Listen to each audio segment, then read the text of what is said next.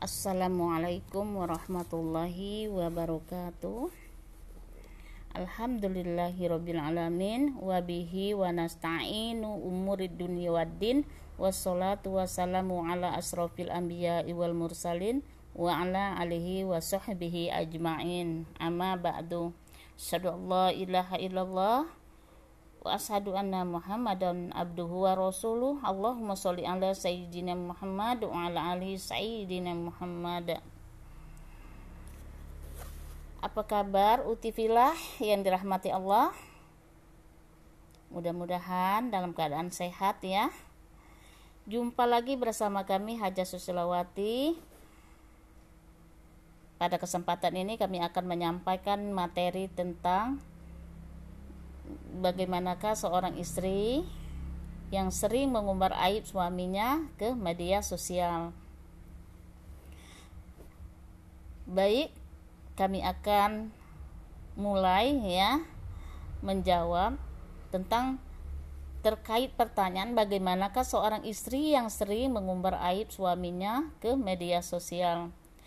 Allah Subhanahu wa taala pernah berfirman di dalam al, surat Al-Baqarah ayat 187 Bismillahirrahmanirrahim Hunna libasul lakum wa antum libasul lahun Kata Allah, mereka istri-istrimu merupakan pakaian bagimu dan kamu merupakan pakaian bagi mereka. Hidup rumah tangga pastilah tidak luput dari permasalahan. Setiap orang pasti diuji dengan kadar kemampuannya masing-masing. Oleh sebab itu, ya, sebagai Muslim, kita harus memahami bahwa permasalahan rumah tangga yang terjadi adalah bagian dari ujian-ujian Allah. Allah berikan ujian dan Allah Allah pula lah pasti ada solusinya untuk penyelesaian masalah. Ada syariat untuk menyelesaikan masalah dalam rumah tangga. Mengumbar aib suami di media sosial justru tidak akan menyelesaikan permasalahan, justru akan semakin membuat besar permasalahan yang ada aib yang seharusnya ditutup oleh istrinya ya. Ketika diumbar ke media sosial maka istri telah melakukan dosa besar ya. Sudahlah suaminya punya aib punya dosa istrinya pun demikian. Maka wahai istri tutup rapat aib suamimu. Karena itu adalah perintah dari Allah Subhanahu wa taala Seburuk apa pun keadaan suamimu, ia adalah pakaianmu yang harus engkau sembunyikan aibnya. Gitu. Uh, jika suami bersalah ya, Islam punya aturan ya. Bagaimana aturannya? Yaitu istri minta cerai atau istri pulang ke rumah orang tuanya. Tidak mengumbar aib suami ke media sosial. Nah, mudah-mudahan ya eh, dalam pertemuan kita kali ini bisa tercerahkan tentang pertanyaan tentang mengumbar aib suami ke media sosial tadi ya. Uh, walahu alam bisawab Wassalamualaikum warahmatullahi wabarakatuh. Assalamualaikum warahmatullahi wabarakatuh. Sahabat, apa kabarnya? Semoga dalam keadaan sehat, masih tetap semangat menjadi dakwah, menjadikan dakwah sebagai poros hidup. Amin ya robbal alamin kali ini kami akan uh, menyampaikan uh, materi tentang anugerah Allah di balik pernikahan. Nikahilah perempuan-perempuan miskin Allah akan memberimu kekayaan. Sabda Rasulullah SAW, beliau memberikan himbauan kepada para pemuda untuk segera menikah. Bila mereka berada dalam kondisi miskin, Allah berjanji akan memberikan kecukupan lantaran melaksanakan pernikahan. Karena itu, kemiskinan tidak boleh dijadikan alasan untuk tidak menikah. Seorang lelaki saleh hendaklah menikahi perempuan solihah, sebab Allah menciptakan seorang perempuan adalah untuk melengkapi kehidupan kaum pria saling memadukan kasih dan bahu-membahu dalam mengarungi hidup berumah tangga. Orang yang sudah menikah berarti telah memiliki agama yang lebih sempurna daripada yang belum menikah. Tapi belum berarti orang yang belum menikah tidak sempurna agamanya. Hanya saja dengan menikah mereka akan hidup lebih tentram dan lebih bahagia sehingga istiqomah dalam beribadah. Bukankah di dalam Al-Quran Allah telah menegaskan dan di antara tanda-tanda kekuasaan Allah adalah dia menciptakan untukmu istri-istri dari jenismu sendiri supaya kamu cenderung merasa tentram kepadanya dan dia menjadinya di antara kamu rasa kasih dan sayang sesungguhnya pada yang demikian itu terdapat tanda-tanda kebesaran Allah. Tanda-tanda keagungan Allah bagi kaum yang berpikir. Keterangan Al-Quran Surat Ar-Rum ayat 21. Nah, mengingat betapa besarnya bermanfaat pernikahan, Allah sangat menganjurkan kepada umat manusia untuk melaksanakannya. Dalam Al-Quran Allah telah menegaskan dan Nikahilah orang yang sendirian di antara kamu dan orang-orang yang layak nikah dari hamba-hamba sahayamu yang perempuan. Jika mereka miskin, Allah akan memampukan mereka dengan karunia-Nya dan Allah maha luas pemberiannya lagi maha mengetahui. Keterangan Al-Quran Surat An-Nur ayat 32 jadi, pernikahan akan mengantarkan seseorang hidup lebih bahagia, lebih layak, dan lebih tenteram. Bahkan akan mendapatkan anugerah dari Allah yang sebelumnya belum pernah diterima dan dirasakan. Dan dengan kata lain, pernikahan adalah awal dari keberhasilan mencapai kejayaan yang hakiki. Menikahlah engkau menjadi kaya, bukan sekedar ungkapan tanpa makna, tapi sebuah sabda Rasulullah yang dapat dibuktikan kebenarannya dengan logika. Di antara para bujangan, ada yang mempunyai penghasilan per hari ribu rupiah misalnya. Penghasilan itu hanya cukup untuk memenuhi kebutuhan dirinya sendiri dalam sehari.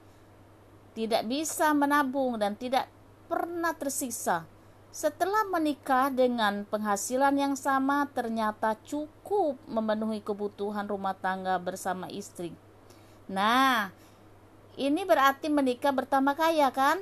Dan masih banyak lagi contoh lain. Sebenarnya, pelacuran hanya akan mengantarkan seseorang ke jurang kehinaan dan kehancuran, sehingga yang demikian sangat dilarang agama. Dalam Al-Quran Allah telah menegaskan dan orang-orang yang tidak mampu menikah hendaklah menjaga kesucian dirinya sehingga Allah mem memampukan mereka dengan karunia-Nya. Keterangan surat An-Nur ayat 33. Jadi memelihara diri serta menjauhi barang haram bagi seseorang yang belum mampu menikah adalah sesuatu perbuatan yang sangat mulia karena dia telah menjaga dan menyelamatkan agama. Dalam Al-Quran, Allah telah menegaskan katakanlah kepada orang laki-laki yang beriman, hendaklah mereka menahan pandangannya dan memelihara kemaluannya. Yang demikian adalah lebih suci bagi mereka. Sesungguhnya Allah maha mengetahui apa yang mereka perbuat. Katakanlah kepada wanita-wanita beriman, hendaklah mereka menahan pandangannya memelihara kemaluannya dan janganlah mereka menampakkan perhiasannya sekali kecuali yang biasa nampak daripadanya. dan hendaklah mereka menutupkan kain kerudung ke dadanya dan janganlah menampakkan perhiasannya kecuali kepada suami mereka atau ayah mereka atau ayah suami mereka atau putra-putra mereka atau putra-putra suami mereka atau saudara-saudara mereka atau putra-putra saudara-saudara perempuan mereka atau wanita-wanita Islam atau budak-budak yang mereka miliki atau pelayan-pelayan laki-laki yang tidak mempunyai keinginan terhadap wanita atau anak-anak yang belum mengerti tentang aurat wanita. Dan janganlah mereka memukul kaki mereka agar mengetahui perhiasan yang mereka sembunyikan. Dan bertobatlah kamu sekalian kepada Allah. Hai orang-orang yang beriman agar kamu beruntung. Keterangan Al-Quran surah An-Nur ayat 31. Jadi pengertian menahan pandangan mata adalah menjauhkan diri dari memandang perempuan yang bukan mahram karena khawatir mendapatkan fitnah sebab pandangan mata merupakan panah setan yang dapat menghancurkan umat manusia. Suatu ketika Rasulullah SAW pernah berpesan kepada Ali bin Abi Thalib, Ya Ali, janganlah kamu mengikuti pandangan pertama dengan pandangan berikutnya, sebab bagimu yang halal hanyalah pandangan pertama, sedang pandangan berikutnya adalah haram.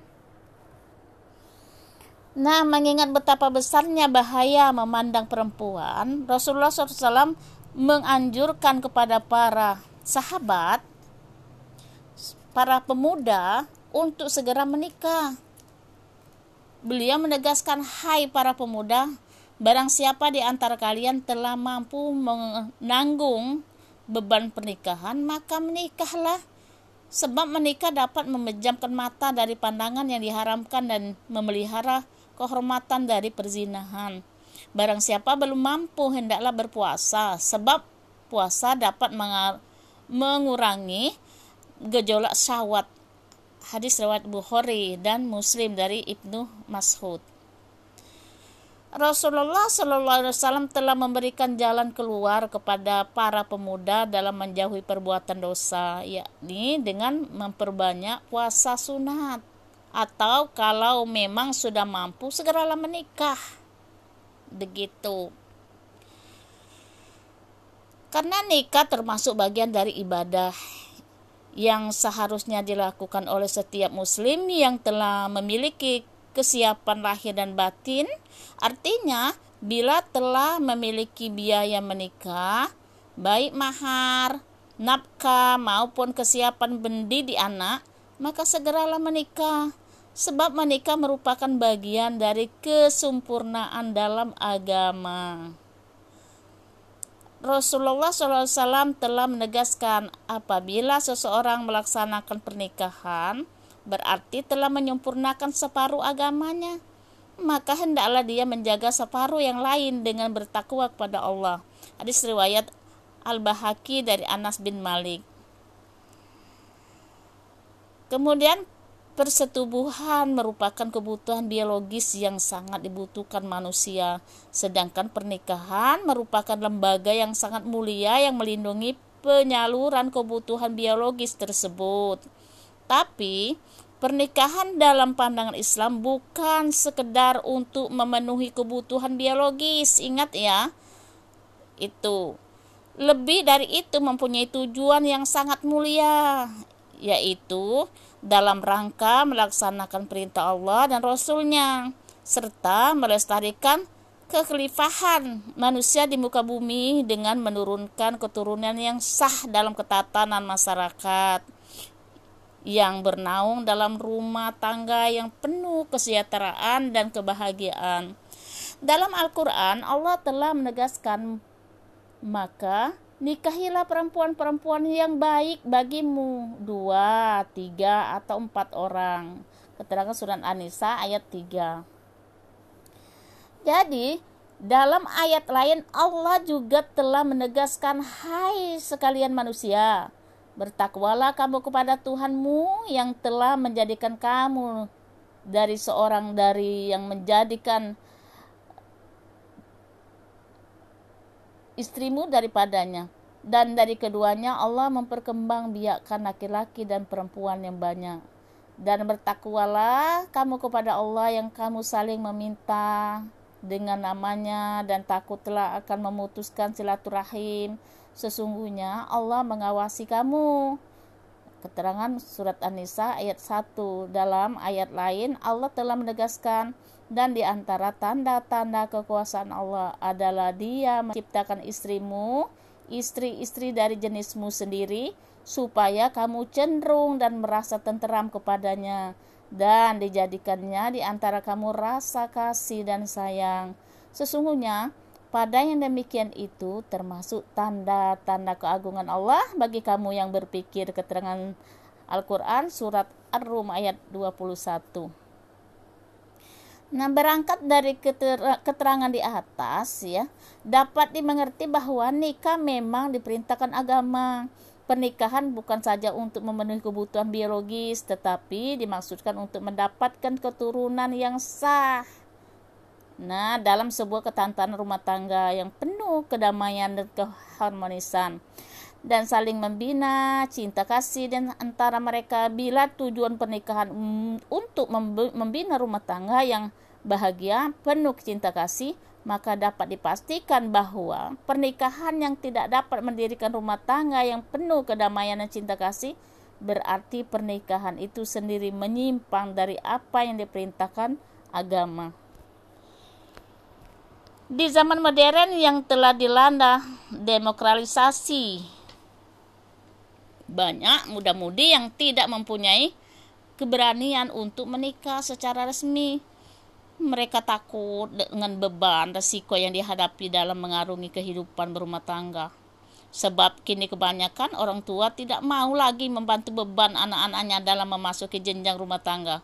Seakan-akan orang tua telah mengatakan kalau kamu sudah mampu mengurus anak istri maka nikah telah. Jadi belum, maka jangan menikah. Jangan bikin repot orang tua. Padahal nafsu yang bergelora dalam jiwa mereka begitu besar dan sulit tertanggulangi. Seharusnya beban tanggung jawab tersebut tidak dijadikan alasan untuk tidak menikah. Sebab dalam Al-Quran Allah telah menegaskan dan nikahilah orang yang sendirian di antara kamu dan orang-orang yang layak nikah dari hamba-hamba sayamu yang perempuan. Jika mereka miskin, Allah akan mampu, mampukan mereka dengan karunia-Nya dan Allah maha luas pemberiannya lagi maha mengetahui.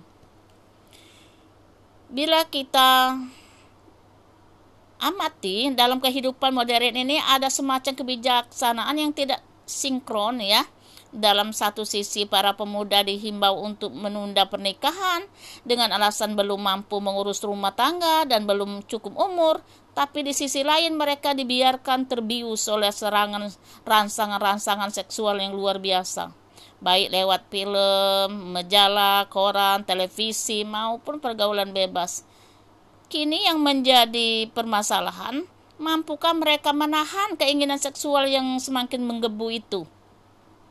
Atau mereka terjerumus ke jurang perzinaan dengan kedok menunda pernikahan. Nauzubillahi zalik. Alangkah sayangnya bila mereka tidak berani menikah hanya karena takut resiko ekonomi. Lalu melampiaskan nafsu seksnya melalui cara-cara yang keji lagi hina. Padahal menyalurkan nafsu seks lewat ikatan pernikahan ada lebih terpuji, lagi mulia, serta termasuk kategori ibadah. Rasulullah SAW telah menghimbau para pemuda untuk menikah. Barang siapa di antara mereka telah memiliki kemampuan lahir dan batin, hendaklah segera menikah, sebab nikah dapat memejamkan mata dan memelihara kemaluan dari perzinahan. Dan barang siapa belum mampu menikah, hendaklah memperbanyak puasa, sebab puasa dapat mengurangi gejolak syawat. Ini berarti Islam sangat memperhatikan terhadap keselamatan para pemuda. Jangan sampai mereka terjerumus ke dalam jurang kehinaan lantaran memperturutkan kehendak nafsu sawatnya. Padahal mereka dapat menyalurkan gejolak nafsu lewat cara yang halal dengan menikah atau memperbanyak ibadah puasa hingga kesibukan seksual dapat terkurangi. Tidak ada salahnya pula menyalurkan nafsu seksnya dengan berolahraga atau beraktivitas lain yang dapat menyibukkan diri. sehingga angan-angan mereka tidak hanya tertuju pada keinginan syahwat. Begitu. Pada suatu ketika sahabat Ukab datang menghadap Rasulullah. Beliau kemudian bertanya ya Ukab adakah engkau sudah mempunyai istri? Jawab Ukab ya Rasulullah saya belum beristri. Rasulullah bertanya lagi adakah engkau memiliki hamba sahaya perempuan jawab Ukab saya tidak memilikinya ya Rasulullah Rasulullah bertanya lagi, adakah kamu mempunyai kekayaan? Jawab Ukab, iya saya mempunyai kekayaan. Lantas Rasulullah SAW bersabda, jika demikian keadaanmu, maka kamu adalah teman setan. Jika kamu pemeluk agama Nasrani tentu menjadi seorang pendeta. Sungguh menikah adalah sunnahku. Orang yang paling baik di antara kamu adalah orang yang beristri. Dan sejelek-jelek mayit adalah mayit orang yang tidak beristri. Hadis riwayat Abu Zar. Nah, menikah adalah bagian dari ibadah, karena itu tidak ada sifat memperberat kepada orang yang hendak melaksanakannya. Sedangkan hukum nikah itu sendiri ada kalanya wajib, ada kalanya sunnah, dan ada kalanya mubah, bahkan ada pula nikahnya makruh dan yang haram. Perubahan hukum tersebut sangat tergantung pada yang bersangkutan. Bagi orang yang sudah mempunyai kemampuan lahir dan batin, serta sudah tidak mampu lagi mengendalikan syahwat, maka menikah baginya adalah wajib.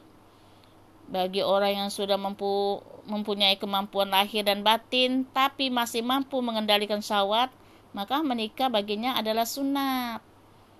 Bagi orang yang belum mempunyai kemampuan lahir dan batin, serta masih mampu mengendalikan syahwat, maka menikah baginya adalah mubah sedang bagi orang yang sudah tidak mampu lagi mengendalikan syahwat, sementara belum mempunyai kesiapan lahir dan batin, maka baginya menikah adalah makruh.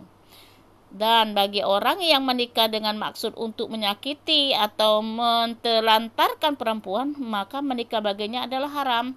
Jadi hukum menikah adalah sangat kondisional. Yang jelas menikah adalah ibadah yang menjadi bagian dari sunnah Rasulullah SAW.